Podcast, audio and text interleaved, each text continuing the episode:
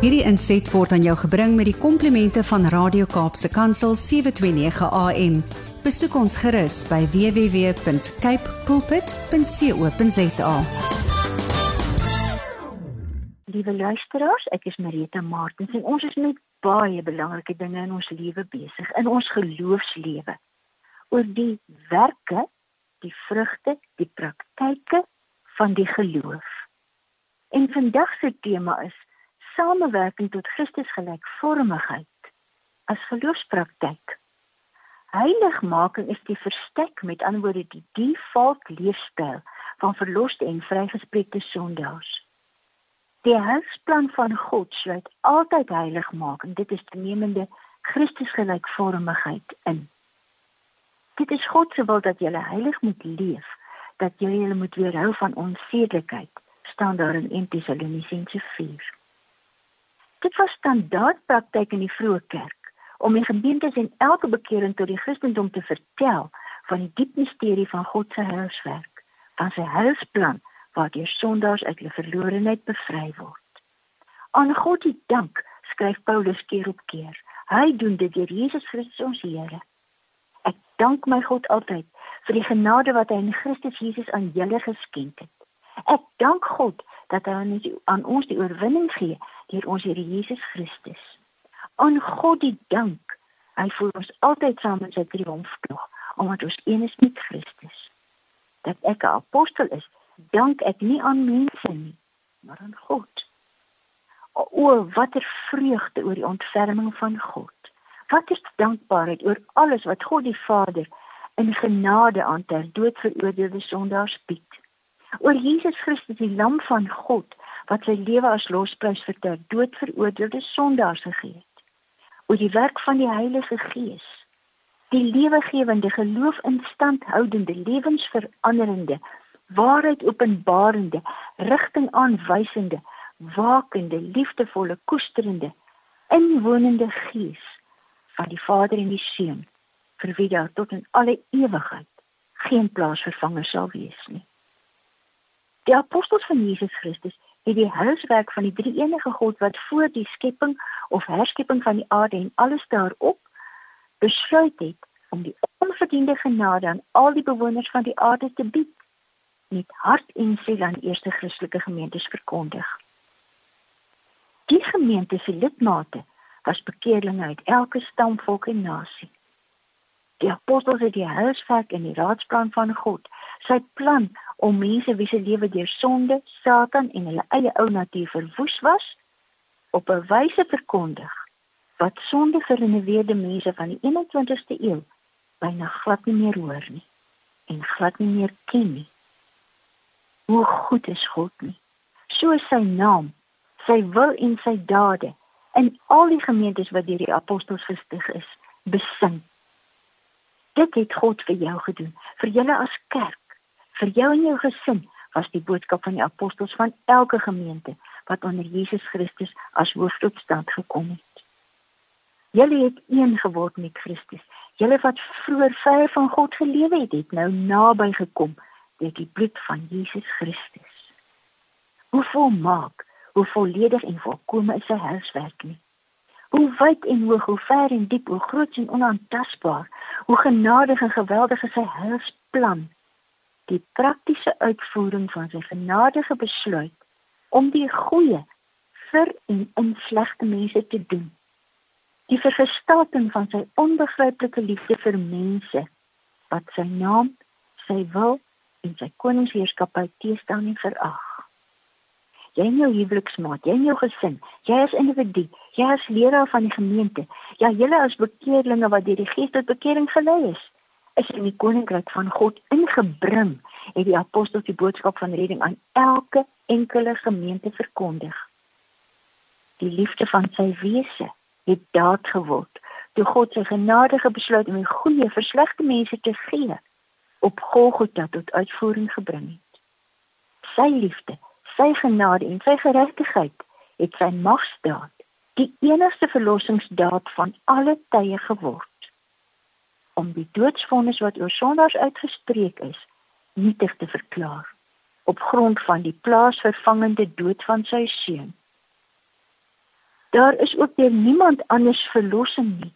En daar's geen ander naam aan mense gegee waardeur ons verlos kan word nie. staan dit in Handelinge 4 vers 12. Hierdie feite aangaande God se heilswerk, aangaande sy besluit en plan om 'n nuwe lewe op aarde en die onverganklike lewe na die dood van die menslike liggaam aan sondaars te gee, is deur al die apostels aan die samekomste van bekeerlinge en dis nuwe volgelinge van Jesus Christus gebring en verkondig. Hulle die omvang van God se plan om die goeie verslegte mense te doen. Die heilsplan onder leiding en inspirasie van die Heilige Gees geboekstaaf. Lees maar die apostel Paulus se briewe aan die Romeine en die gemeente van Korinthe, sy briewe aan die gemeentes in Tessalonika, Filippe, Efese en Kolosse. Lees maar sy boodskap aan die Galasiërs, aan sy opvolger Timoteus, aan Titus en Filemon. Lees maar die skrywer van die brief aan die Hebreërs, die apostel Petrus en die apostel Johannes se geesvervulde tydlose briewe aan die kerk. Hulle het seker gedink die eerste gemeente is die enigste ontvangers. Maar God het hierdie wonderlike lering vir ons en ons voorouers en ons nageslag tot die wederkoms bewaar laat bly en van geslag tot geslag deurbreek die krag van die Heilige Gees wat van die woord en die gees uitgaan alles wat ooit in verset teenoor Christus te staan kom. Die woord van God is lewend en kragtig. Dit skerper as enige swaard met twee snykante en dring deur selfs tot die skeiding van siel en gees en van gewrigte en murg dit beoordeel die bedoelings en gedagtes van die hart. Almal skrywe oor die genade van God.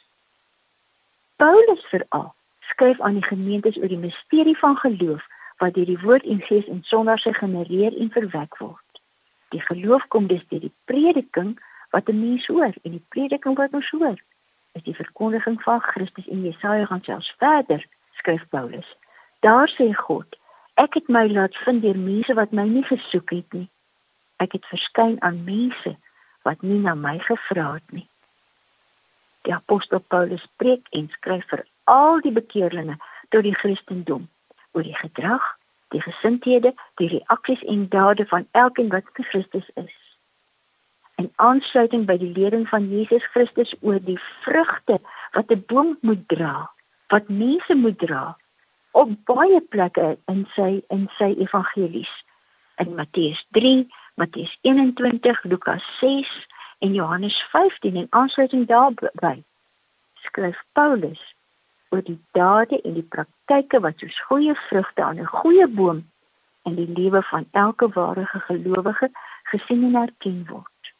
Die vrug van die Gees in teenstelling met die produkte van die mense totaal gekontamineerde sonder die oorweekte ou natuur is liefde, vreugde, vrede, geduld, vriendelikheid, goedhartigheid, getrouheid, nederigheid en selfbeheersing. Werk met die Heilige Gees saam om jou meer en meer soos Jesus te laat word. Was die boodskap van al die apostels in die kerk. Moet die Gees nie betroof nie moet die heilige helder vlammende nuwe vuur wat hy in jou laat ontbrand het nie uitblus nie. Paulus skryf oor die toerusting waarmee die Heilige Gees verloste sondaars bemagtig sodat hulle staande kan bly teen die sleut van die Satan en sy bose trawante wat hulle van hulle geloof en volharding wil beroof. Werk met die Gees saam is sy boodskap. Trek die wapenrusting aan wat hy jou gee. Jou worstelstryd is nie teen mense nie dit is met die kragte en magte onder wie se beheer goddelose mense staan. Werk met die Heilige Gees saam om jou in die geloof te laat volhard en meer en meer soos Jesus te laat word. Is sy boodskap. Samewerking met die Gees tot jou heiligmaking is die daaglikse praktyk van elke nuwe en ware bekeerling. Kom ons bid saam. Here ons Here, Hoe jaloers is ons as ons luister wat die nuwe bekeerlinge vir wie u begenadig het om die eerste Christelike gemeente te kon word van die apostels gehoor het. Die verkondiging van die volle boodskap van hierdie nuwe lewe. O arm het ons in die 21ste eeu geword wanneer die volle boodskap van u heilswerk en heiligmaking as onlosmaaklike komponent van u heilsplan nie verkondig word nie. Maar ons vind dit in u woord. Here, laat ons met blydskap dink aan die genade van die heilsplan. Laat ons met blydskap weet dat u Heilige Gees ons wil help en sal help om meer en meer Christus gelykvormig te word. Seën elkeen wat luister. Seën u kerk en maak ons volledig aan u toegewy. Om u naam ontval. Amen. Hierdie inset was aan jou gebring met die komplimente van Radio Kaapse Kansel 729 AM. Besoek ons gerus by www.cape pulpit.co.za.